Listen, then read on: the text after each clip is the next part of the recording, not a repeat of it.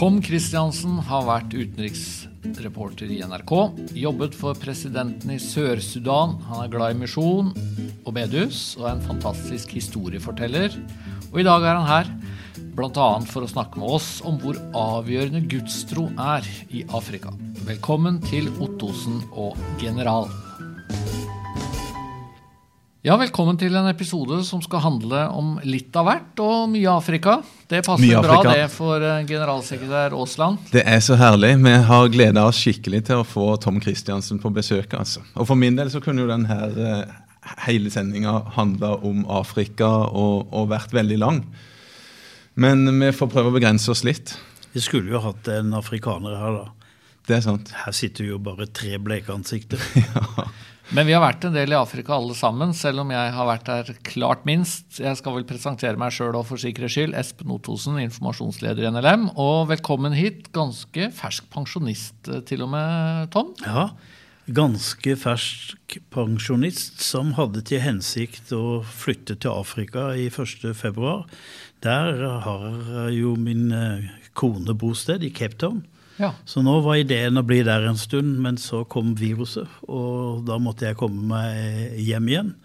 På min eh, korte turistvisum som jeg nå hadde. Ja. Så derfor så er jeg da her og lengter til kona. Men eh, det får bli som det blir.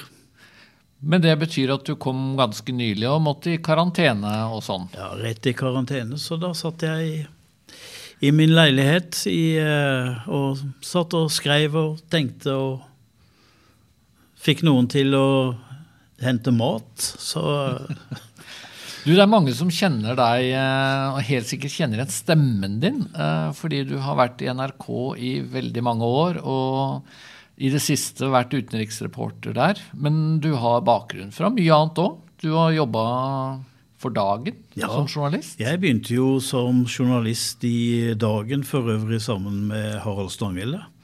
Han var litt yngre enn meg. Og så har jeg jobba i eh, Aftenposten, og jeg har til og med jobba et par, i, par år i Vi Menn. Eh, og har drevet eh, journalistikk på mange forskjellige emner. Jeg var eh, kirkemedarbeider i Aftenposten en tid, så da reiste jeg altså rundt på alle slags generalforsamlinger i Misjonssambandet og Misjonsselskapet og Indremisjonen og alt annet, og Santalmisjon som det het da.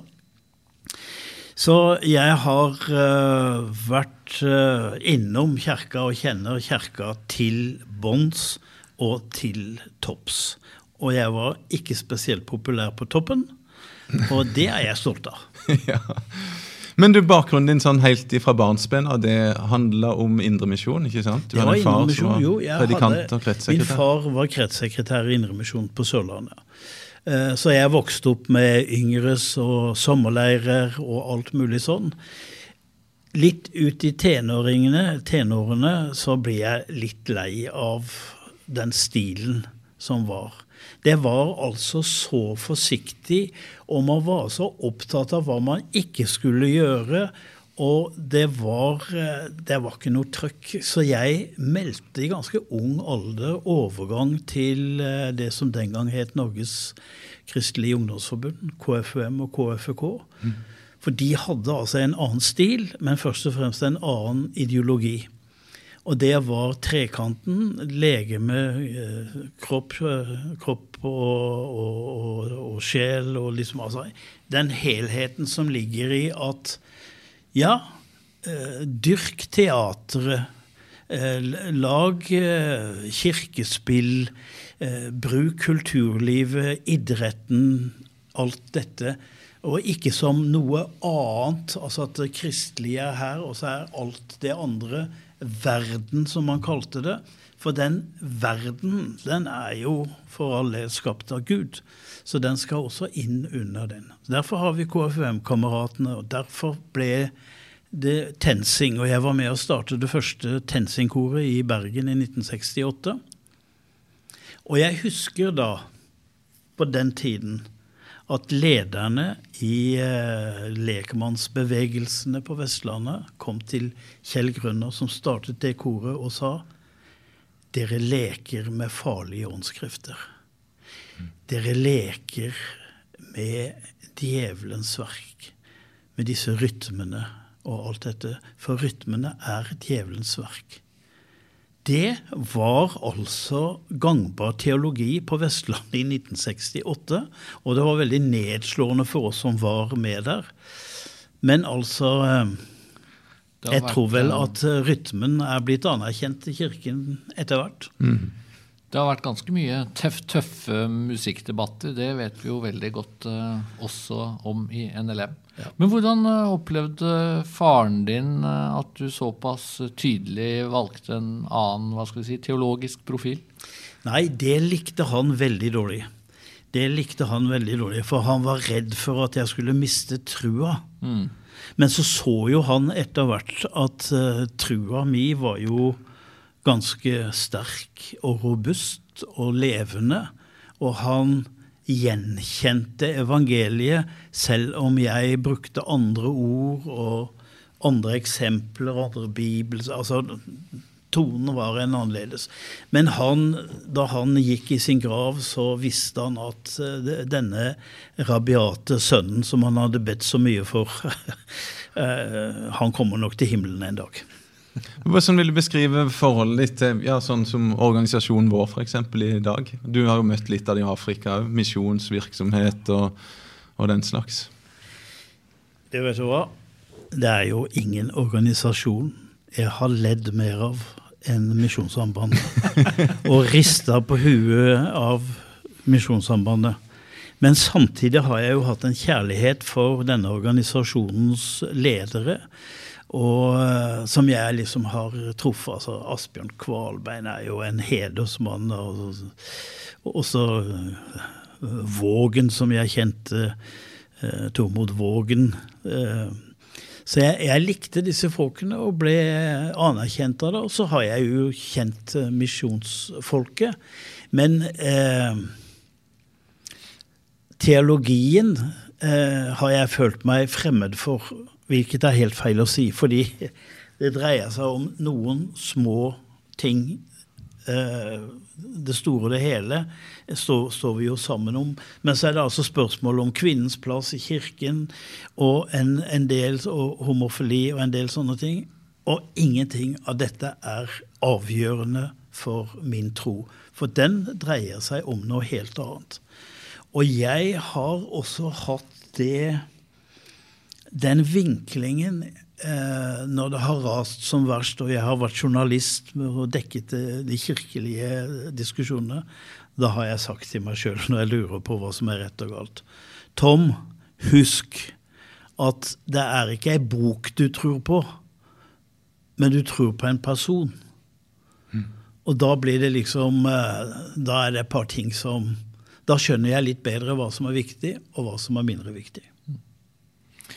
Du, du, har jo helt åpenbart uh, da plassert deg litt annerledes teologisk enn oss, så vi skal ikke gjøre dette til en sånn teologisk uh, debattsending. Nei, der, der, vinner jo dere. Dere er jo uh, utdanna.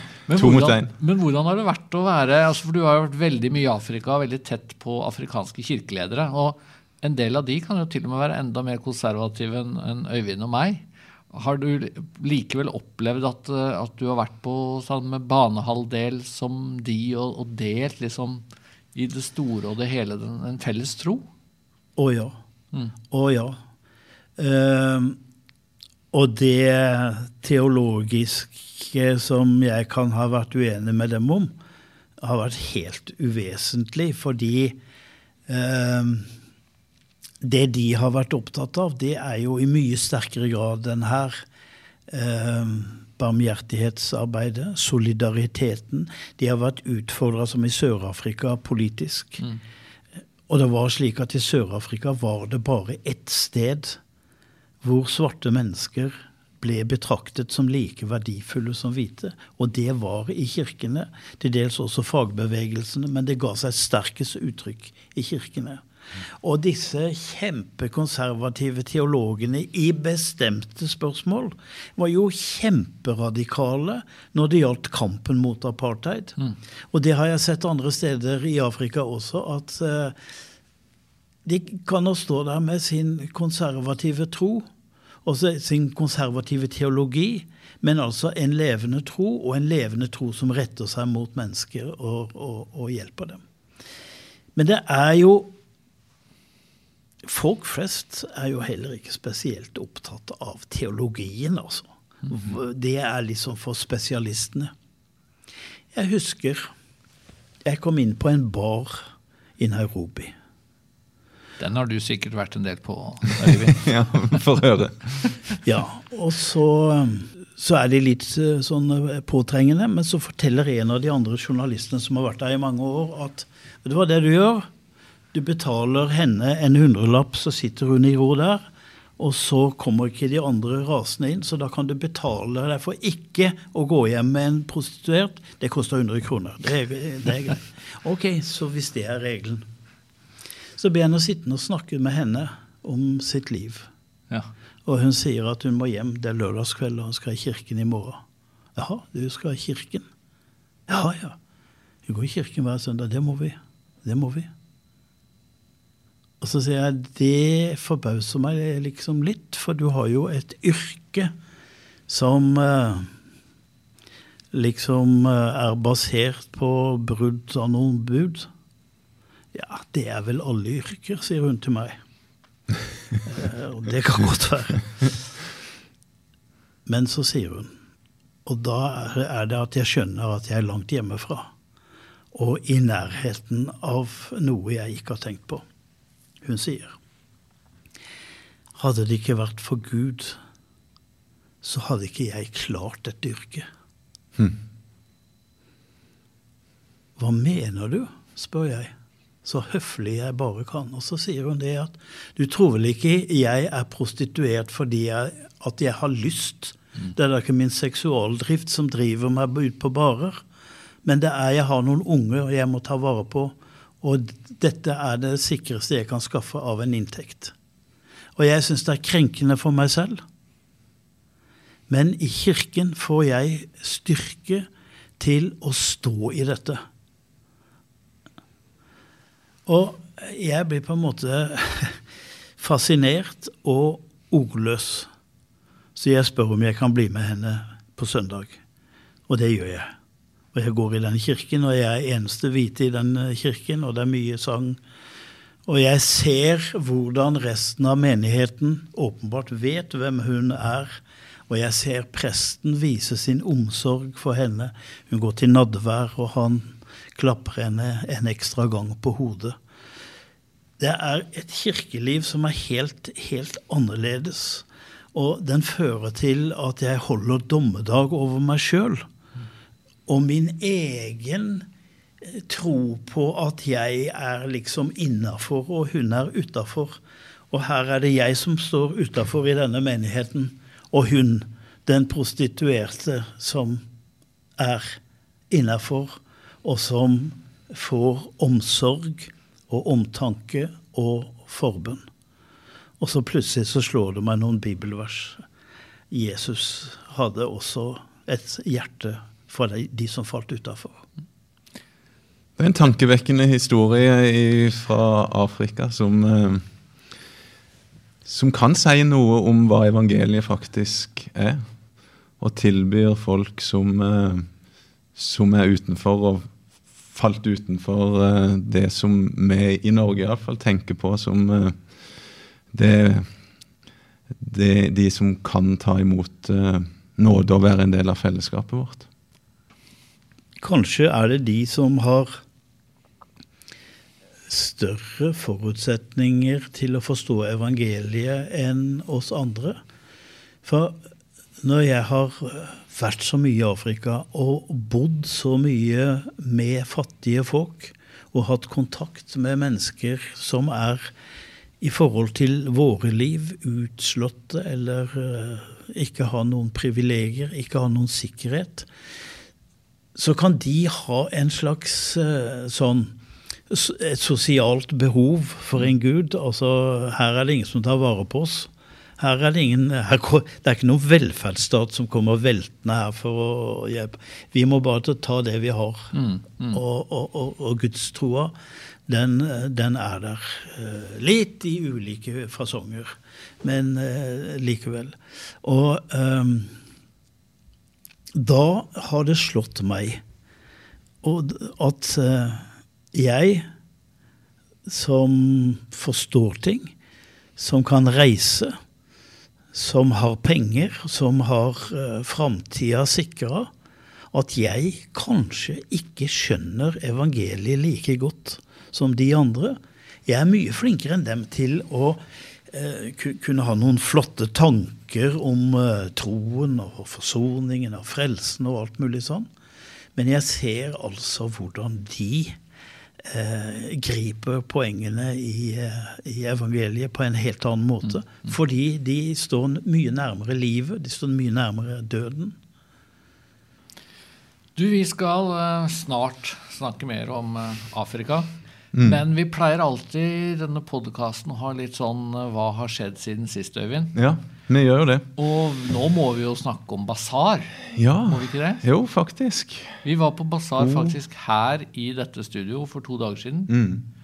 Eh, du og jeg var der jo sammen fordi vi skal ha eh, et arrangement som heter Hele NLM løper fredag 1. mai. Det er mye for tida. Det er, det er veldig det. mye som skjer. Ja. Men det var gøy med basar. Digital basar. Og den ble godt tatt imot rundt ja. omkring. Masse som eh, klikka seg inn og var med og kjøpte digitale årer. 460 000 kroner kom inn. 460 000. Det er enormt. Det altså. Men altså digital basar, men fruktkurv det, som en av gevinstene. Det høres uh, gjenkjennelig ut, gjør det ikke det, Tom? Det er helt gjenkjennelig. Men altså, digitale basarer mangler jo ett element. Og det er, som jeg husker fra tenårene, flørten. Ja. Altså, du, du, har ikke noen å flørte med på basaren. Så det elementet blir borte. Men fruktkurven, det, den må være der. Du kan gjøre litt gjennom chatten og sånn. da, Litt meldinger og sånn. ja.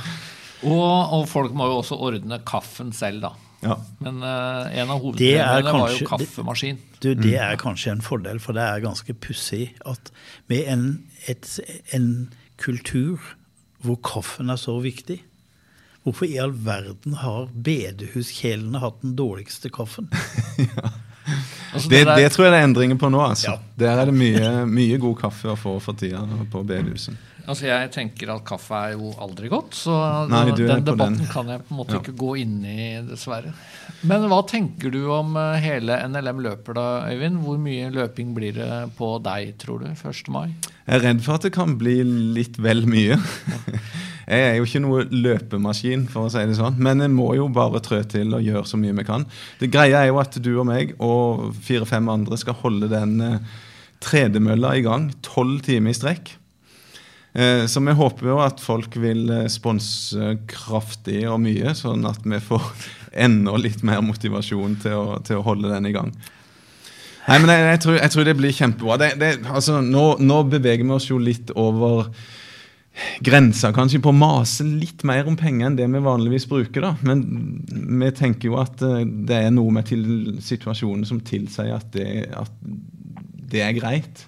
Og så er det noe med de her arrangementene som kan være binde folk sammen. Det er ikke så mye flørting og ikke kaffekoking og sånn, men, men, det kan binde folk sammen på en god måte. da. Det, det tror jeg basaren gjorde, eh, og det håper jeg at løpinga kan gjøre. Sånn at vi opplever at vi, vi er sammen om noe viktig, selv om det ser helt annerledes ut enn det, det som vanligvis gjør. Det er jo ganske pussig at dette påtvungne fraværet skaper et behov for nærhet som folk bare må gjøre noe med. Ja. Og de, de, altså ungdom sitter på med hver sin eh, PC og har eh, lørdagsfest, og misjonsfolket kommer sammen. Ja. Og uh, en predikant oppe i Trondheim kan holde en liten kveldsandakt som samler like mange lyttere som hele Lerkendal stadion. Altså det, det folk søker sammen i sin fjernhet,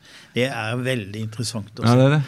Men jeg må antagelig rette opp noe fra forrige sending, Øyvind. Ja, det Eller i hvert fall presisere. For Det var på jeg, grensa til skandaløst, det du presenterte forrige gang.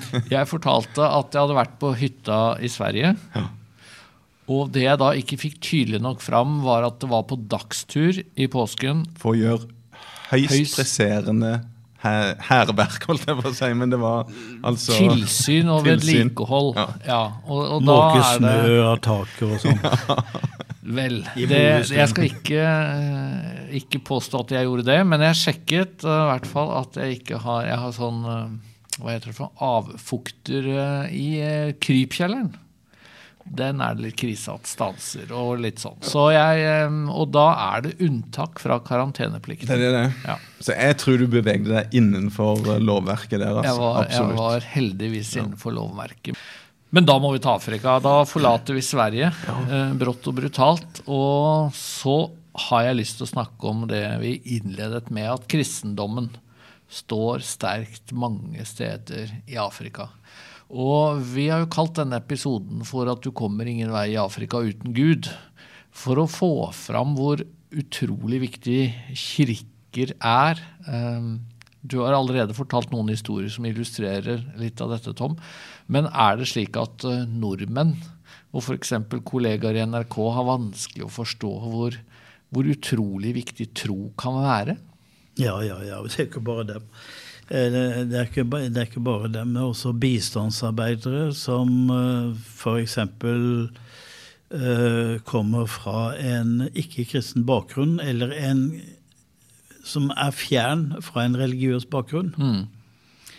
eh, har vanskelig for å forstå kristendommens rolle. Det er, det er mange som kommer og betrakter eh, religion som et problem. Og det skal det ikke mye til for å se. Altså, det er mye eh, tro som blandes med overtro. Og det er eh, masse tro jeg godt kan være foruten, som eh, Hvor enkel, enkelt eh, legearbeid blir betraktet som Guds arbeid, og legen som Gud selv. Det er, det er en del sånn merkverdigheter der. Men det jeg har jo se, sett masse eksempler på, det er at for mange afrikanere er den tanken at Gud ikke fins, den er så rar. Helt fjern, At, altså, de, de, altså det, det passer i altså Det er en vegg som mangler i huset, og som blir veldig undrende og, og litt skeptisk når de møter det og sier at ja, det er mye Men de betrakter jo da oss, oss som litt sånn primitive, som ikke har fått med seg eh, disse, disse tingene. Og så er det også at det er jo forsamlingen av de kristne, menighetene, som jo er styrken i, i, i, i folkelivet. Her behøver du ikke være kristen for å være enig i det. Du kan dra til Angola, du kan dra til Sør-Sudan, du kan dra hvor som helst hvor det har vært kriger. Og det å komme sammen og be og sørge, det har vært veldig, veldig viktig. Og når du sitter der i bushen i ei stråhytte av et telt, av, av, en, av en kirke med stråvegger, eh, nydelig for gjennomstrømming av, av luft, så forteller de historiene om barn som er blitt kidnappa, noen som er blitt skutt, osv. Og, og presten holder sin, sin, sin, sin tale. Og det var inni en sånn kirke hvor folk satt på trestammer, og det er nattvær, at presten altså leverer teologi som jeg ikke hadde hørt før, og som bare var i sin poesi. En landsens prest inne i bushen som holder nattværen, og så sier at dette brød For det var et ordentlig brød. Slik som såkornene er blitt stampet og gjort til et brød, slik skal de etniske gruppene samles i dette land og bli til ett. Vi skal bli til ett folk. Og slik som druene er krystet og blitt til vin, slik skal vi komme sammen som kristne og som sørsudanere og, og feire nasjonen og feire Gud. Altså grensen fra det politiske til det religiøse er kortere og kortere jo vanskeligere det folk har hatt det. Men, da Men dette er jo, dette er jo stor, strålende teologi, da. og da blir kristendommen i, i disse tilfellene noe som bygger bro, og noe som virkelig får positiv betydning. Ja, og det er jo en sånn effekt som du ikke trenger å være kristen for å se verdien av. Det vil enhver sosialantropolog med en gang se verdien av. Dette burde også enhver bistandsarbeider se. Det er et element i dette samfunnet som vi kan spille på, som styrker samfunnet. Men så kommer man jo da med alle sine fordommer. Men for afrikanere er det jo ingenting som er mer pussig enn en gudløs bistandsarbeider. altså. Det er det. er kjemperare ting. Men jeg tenker på det sånn når den tida som vi opplever nå med pandemien og sånn jeg, jeg tror kanskje at vi har opplevd litt grann av det i Vesten. At nå står vi litt sånn ribba og hjelpeløse, opprådde. Vi, vi klarer ikke helt å rå med situasjonen. Og at det kan minne litt om det som er hverdagen for mange, iallfall de som jeg bodde og levde sammen med. Eh, Det var nede i Mombasa-området i Kenya stort sett jeg holdt med. Der døden er mye nærmere, marginene er så små. Eh, malariaen kan ikke behandles. Og, og det er en helt annen type overgivelse til Gud da, i, de, i de situasjonene der enn det som folk flest på bedehus eller i kirke i Norge eh, opplever til daglig. Kanskje vi, kanskje da, vi har, Denne kan sette den- oss litt mer inn i hvordan det er å leve. Den, Denne pandemien vekker jo en dødsangst. Mm. Fordi eh, myndighetene, ikke Gud, myndighetene har pekt ut de som er i faresonen. Det er de over 70. Det er de som har diabetes, eh, hjerteproblemer, kreft osv. Myndighetene har pekt ut hvem som kan bli ramma. I Afrika er man jo vant til det. At man vet hvem som er ille ute. Det er de fattigste, og det er de som er sjuke. Men jeg har denne gang ikke hørt noen rundt omkring som sier at denne pandemien er kanskje Guds straff. Det kan du finne i en del sånn amerikanske, karismatiske eh, pengemaskiner av noen eh, religiøse grupperinger. Eh, jeg har ikke hørt det noe sted i Afrika. Men det afrikanere tror, det er dette kommer ikke fra Gud. Men dette må vi be om Guds hjelp til å stå gjennom. Til å få kraft til de lidelser som er der. Og de er jo Altså, det er jo de som virkelig tar et løft. Eh, fordi når hele Sør-Afrika nå sitter innestengt på fjerde uka, kan ikke gå ut for annet enn å handle, kan ikke gå på jobben, kan ikke gjøre noen ting. Det er masse folk som ikke har mat. Du må regne med at det vil komme en sultbølge over Afrika av eh, ukjente dimensjoner. Nå kommer det gresshoppesverm i tillegg. Gresshoppesverm i tillegg, ikke sant? Og at denne svekkelsen av samfunnet kan jo også gi grobunn for mer eh, tuberkulose og, og andre ting. Så de bærer en større byrde enn noen andre. Og de ber også kraftigere bønder enn en vi, vi gjør.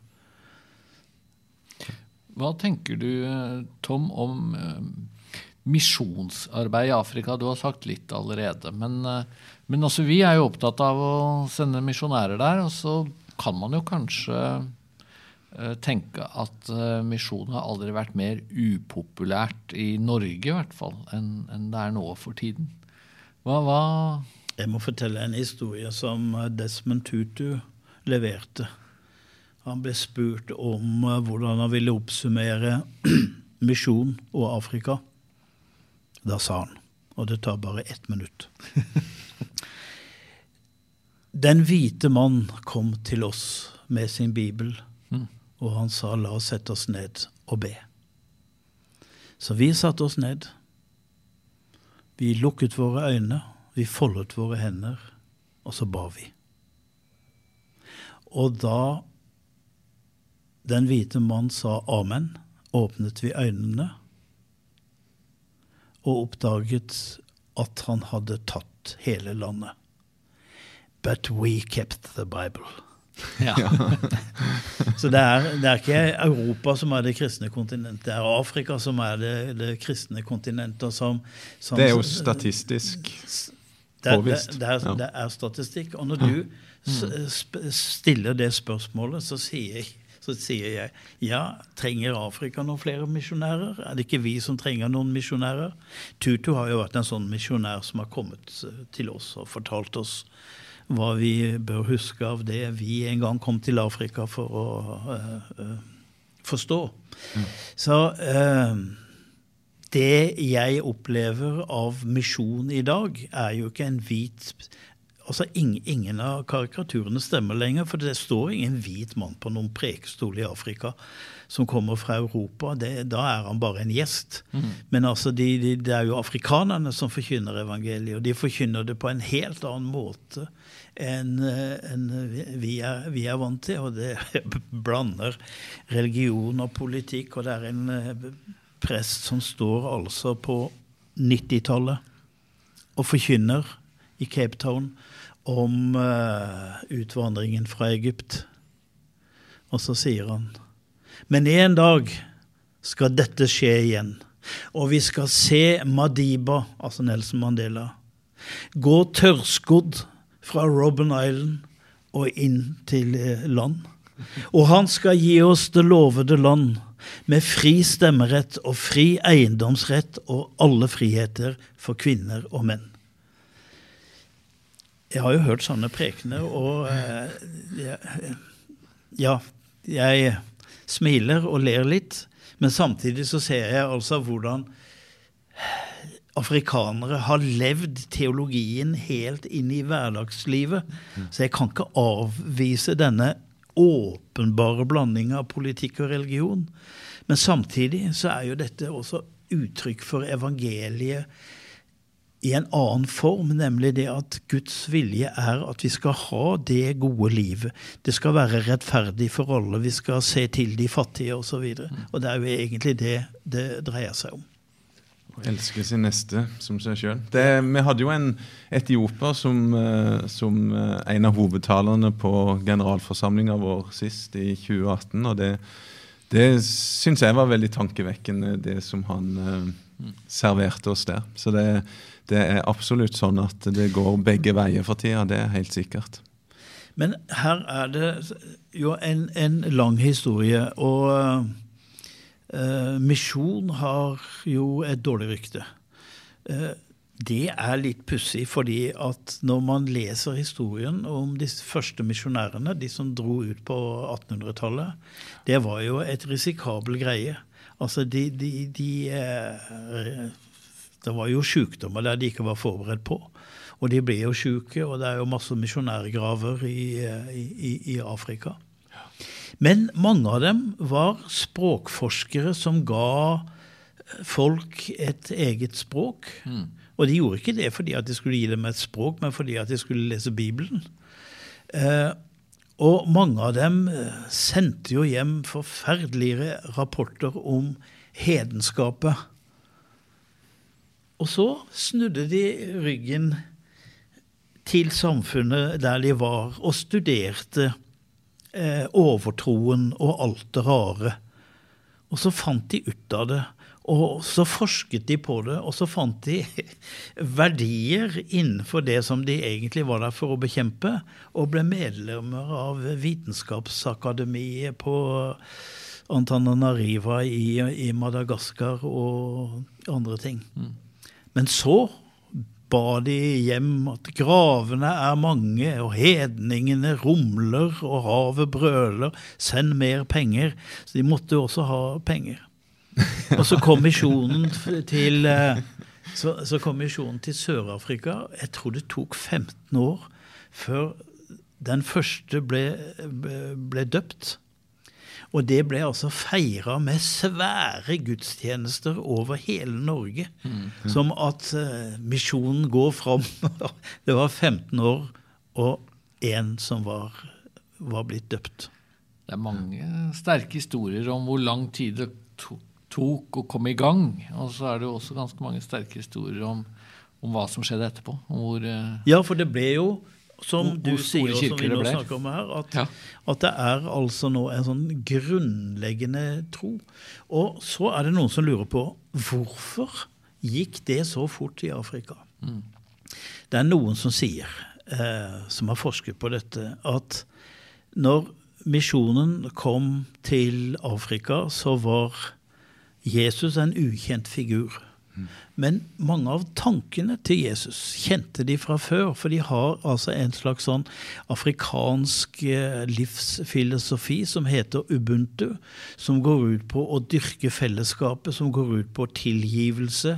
Hvis noe er gått gærent i et samfunn med vold og kriminalitet, så skal man altså sammen søke tilbake og forsones. Så forsoningstanken var kjent. Tilgivelsen var kjent nestekjærligheten, fellesskapet, det, alle disse elementene var kjent i Afrika. Så kommer misjonærene og forteller om Jesus. Og når de hører hva Jesus har gjort, og hva han har holdt på med, og som har vært hans program, alle lignelsene, historiene, så kjenner folk dette igjen. Ja, ja, nei, dette er bare så Jesus på toppen. Ja, det går. Det går. ja. Men eh, du sa at misjon har et uh, dårlig rykte. Men Afrika også har jo dårlig rykte. sånn det er jo mange som kanskje vil mene, da, ikke minst i det vestlige Norge, uh, at kristendommen kan jo ikke ha gjort så mye nytte for seg i Afrika når det er så mye elendighet der. og jeg har tenkt at noe av ditt prosjekt har vel vært å prøve å vise at det bildet som males ofte i Norge av Afrika, det er jo rett og slett ikke et sant bilde? Nei, det er helt feil. Det er, det er helt, helt feil. I Afrika får, har 80 lys i lampa. Uh, jentene går på skolen. Det har aldri vært færre kriger i Afrika enn det er nå. Uh, alt går framover. Altså, dere driver misjon i Etiopia. I Etiopia er eh, den ekstreme fattigdommen halvert på 20 år. De bygger eh, veier, og de bygger 30 universiteter. De bygger Afrikas største damanlegg, som eh, vil gi lys i lampa fra Rødehavet til langt inn i Uganda. Altså, dette, dette, er jo det jeg oppdaget når jeg kom som journalist til Afrika i 1990 at jeg måtte reise veldig langt for å finne de der utsulta ungene, altså. Men de som jeg så rundt hjørnet, det var eh, glade unger på vei til skolen, og som, som hadde et eh, ubekymra liv, som barn gjerne har. Og med bekymrede foreldre, som er både der og andre steder. Fattigdom, ja, men altså eh, Fattigdom betyr ikke at du går sulten til sengs. Fattigdom betyr uh, ikke at uh, du ikke kan gå til legen når du blir sjuk. Altså, hva, hvordan definerer du fattigdom? Fattigdom er det mye av i, i, Afrika. Det det er mer av i Afrika, det er mangel på en del velstandsinnretninger som mm. vi har. Jeg husker jo min barndom fra 50-tallet. Den kan sikkert karakteriseres som fattig. Men jeg tenkte aldri på at vi var fattige, og det tenkte ingen andre på heller. Mm. Nei, Det er viktig å, å, få fram nyansen og de ulike aspektene ved det svære afrikanske kontinentet, og, og uh, respekten for alt det flotte som skjer der. Det, det, håper jeg at vi klarer å få fram hos oss. Men jeg, jeg lurte på én ting som eh, handler om ledelse i Afrika og sånne statsmenn. Eh, det er en lei tendens til at folk som sånn i utgangspunktet ser ut som gode folk, som gjerne vil tjene folket sitt og, og, og, og skape nye ting, ender opp som despoter som, som, fikser litt på Grunnloven, så de kan få en sitte så lenge de vil, og, og de tinga der. Du, er det, er et, det er kanskje litt vel karikert bilde, men tendensen et, er der. Det har et navn. The Big Man Syndrome. Ja. Og det er altså et sammensurium av uh, makt som ingen kan kontrollere. For du har ikke det sivile samfunn som kan holde i det. Du har ingen opposisjon som kan opptre fritt. Og du har ikke disse tradisjonene som vi har. Og jeg oppdager jo etter å ha reist ganske mye rundt omkring i verden, at det vi har, med altså en sånn likhetsideal eh, et likhetsideal, det er så eksotisk og så sjeldent at det er nesten ikke til å, å tro. Kona mi er sørafrikaner, og de første gangene jeg tok henne til Norge, hun trodde altså ikke at det var sant at det fantes sånne samfunn hvor du eh, legger deg med ulåst dør, og hvor politikere må gå av for en bagatell og, og, og sånne ting. Men er, vi snakker her om statsledere hvor alle nedover gjerne vil komme nærmest presidentene ved å være en ja-mann. Hvor du har en svak opposisjon, hvor du har Han kan på alle offentlige kontor finne bilder av seg sjøl. Til og med på pengesedlene. Det kan jo forlede en til å tro at det er hans. Og han kan altså eh, leve et luksusliv. Samtidig som du ser at politikken mange steder i Afrika er en vei til å bli rik og, og, og komme seg opp i samfunnet. Her i dette landet It's our turn to eat. Nettopp. Og her i, i, vårt samfunn så er det jo akkurat det motsatte. Altså Folk som blir politikere, de må vurdere skal jeg, skal jeg ta den belastningen, eller skal jeg ikke. Altså mm. Politikk som karriere er for veldig, veldig få. Men i Afrika er det altså en mulighet til å bli rik. Det er eh, og nå kommer reaksjonen, fordi reaksjonen har i mange år vært at ja, ja, ja, dette er resultatene av kolonitiden, dette er kolonimaktenes uh, skyld, mm. hvilket på lang tid var riktig. Men de forlot altså en pyramide, og de satt på toppen. Og så kom det en lokal elite på plass. Kenyattaene i, eh, i Kenya og osv., osv., som ble sittende. Og så har du ikke det der apparatet mm. under av mektige aviser, mektige fagbevegelser og en, en klar kirke som tar oppgjør med lederne. Og så blir, så blir, det mye. Men jeg tror vi er kommet til et skille her. For nå har det intellektuelle Afrika sett dette, at vi har for dårlige ledere. Vi må gjøre noe med det. Og Tror du løsninga er liksom demokrati à la Vesten, Europa, eller demokrati finnes en annen vei? Demokrati à la Afrika. Jeg traff rådgiveren til presidenten i Ghana, som sa Vi hadde vårt folkestyre med høvdingene under akasietrærne, med rådgiverne. Så kom alle med tingene sine. Så satt de og diskuterte til de ble enige. Mm. Så kom britene med demokratiet, eller Vesten kom med demokratiet. Med politiske partier. Som skjærer som en kniv gjennom vårt folkestyre. For da kommer det et parti som på forhånd vet hva som er rett, og det andre partiet vet at noe annet er rett. Og så flyttes de sånn at det blir politiske partier etter de etniske gruppene, og så får du altså stammekriger og stammemotsetninger osv. Vi importerte et demokrati som var vårt, mm. og ikke Afrika. Så kommer Nelson Mandela ja, for han er jo et ganske tydelig unntak. Han er et tydelig unntak, si. og han hadde stor i, eh, ANC hadde virkelig var influert av Europa. av Skandinavia særlig, fordi av den skandinaviske modellen. Og det de gjør, det er Fredrik de Klerk, som er den siste presidenten, og Nelson Mandela, Sør-Afrikas farligste mann i fengsel, som er frigitt. Så sitter de og diskuterer, og de har den gamle Afrika-avtalen. Vi må bli enige. Hvis vi kommer fram til noe som bare den ene godtar, så må vi begynne på nytt igjen. Slik lagde de verdens mest demokratiske grunnlov i 1994. Det var altså slik den, den ble til, med Mandela og de Klerk på hver sin side av det grønne filtduken. Og der holdt de på. Mm. Og der holdt de på i uendelig lang tid. Og så ble de til slutt enige. Så det mangler en krig i Afrika, og det er den mellom de etniske gruppene i Sør-Afrika, fordi alle ble trukket med i prosessen. Hvite og svarte, ja vel, men også alle etniske, etniske grupper i, i Sør-Afrika. Mm.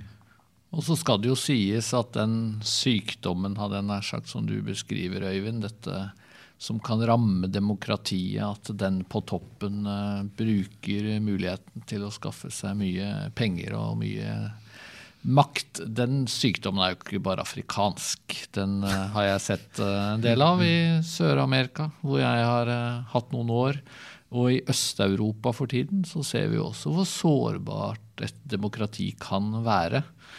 Så, så, det er jo viktig å ikke slå seg selv på brystet i altfor stor grad. Det norske samfunnet har vel blitt mer korrupt nå enn det var tidligere. Så utviklinga her er vel ikke sånn supergod, uh, den heller. Det har jo vært uh, litt vel mange avsløringer av ulik type også i, i Norge. Av uh, reiseregninger og en del sånt. Som, uh, men, men uh, så får du noen ekstra aspekter da, som, som, kan by på utfordringer. Særlig etniske skillelinjer i Afrika. Der er det jo et enormt behov for forsoning i en del sammenhenger over, over, disse grensene. Det var jo det som var Nelson Mandelas mesterverk, spør du meg. Traff du han personlig? Ja, jeg traff eh, Mandela personlig eh, en rekke ganger før han ble president. Mm. Eh, mens han var på løslatt. Da han ble president, så ble han jo lukket inne i, i og for seg. Men han hadde altså denne ideen om forsoning. Mm. Eh, for Nelson Mandela var ikke det en religiøs greie. Men det var nemlig det at med all den djevelskap som Sør-Afrika har vært gjennom, det må gjøres opp på et eller annet vis. Men det kan ikke gjøres opp ved at alle skal i fengsel. Politisk, praktisk var umulig. Ja. Så han trakk på Desmond Tutu, og det var Tutu som skapte denne modellen for en forsoning, som for Tutu var religiøst begrunnet men for Mandela var det politisk begrunna. Dette må vi gjøre, dette må vi gjøre og helbrede samfunnet. Tutu sa vi skal ikke ha Nurenberg-fasongen, nemlig at det er vinneren som dømmer taperen. Det er ikke sånn at de svarte nå skal dømme de hvite. Vi skal ikke ha Argentina-modellen hvor det blir et amnesti, og hvor kvinnene fortsatt går på Maiplassen og spør hvor ble det av mennene og sønnene våre. Nei, det skal være Og så kommer den tabloide eh, Desmond Tutu. Vi skal tilgi, men vi skal vite hva vi skal tilgi. Vi må altså ha en sannhets- og forsoningskommisjon. Det skal bekjennes, og det skal tilgis. Der ser du, der ser du at han legger inn den, den kristne forsoningstanken med bekjennelsen og forsoningen, altså tilgivelsen, eh, som, som, grunnlag for hvordan det arbeidet skulle gjøres. Og det er altså 25 000 mennesker som har stått der og fortalt om sine drap. Og de har etterpå kunnet gå hjem til sitt svømmebasseng og sette seg i campingstolen og det har ikke vært noen svarte som har kommet etter for å ta dem. Mm. Altså Det har ikke vært noen tilfeller av hevn. Og, det, det, og, når jeg ser det, så lurer jeg på hva er disse menneskene skapt av? Mm. Hvor kommer dette fra? Det billige, det, det billige svaret på det er å si at det er fordi de er så kristne. Men jeg tror det er to ting. De har en lang tradisjon i tilgivelse, å leve sammen i konflikt. Og så har de altså fått med seg det de hadde før kristendommen kom, og i kristendommen disse tankene om at ideen om tilgivelse er ikke bare rett, den er Guds. Mm. Og da, da, blir begrunnelsen for å gjøre opp mye sterkere enn den ellers ville vært. Du, det syns jeg var en uh, sterk historie å avslutte med. Flott å sette fokus på viktigheten av uh, forsoning. Tusen takk, Tom, for at du ville være Veldig gjest hyggelig å komme på Fjellhaugplassen. Kjempeflott å ha deg med på besøk. Takk skal du ha. Så snakkes vi plutselig igjen. Takk for nå, alle dere som har hørt på oss eller sett.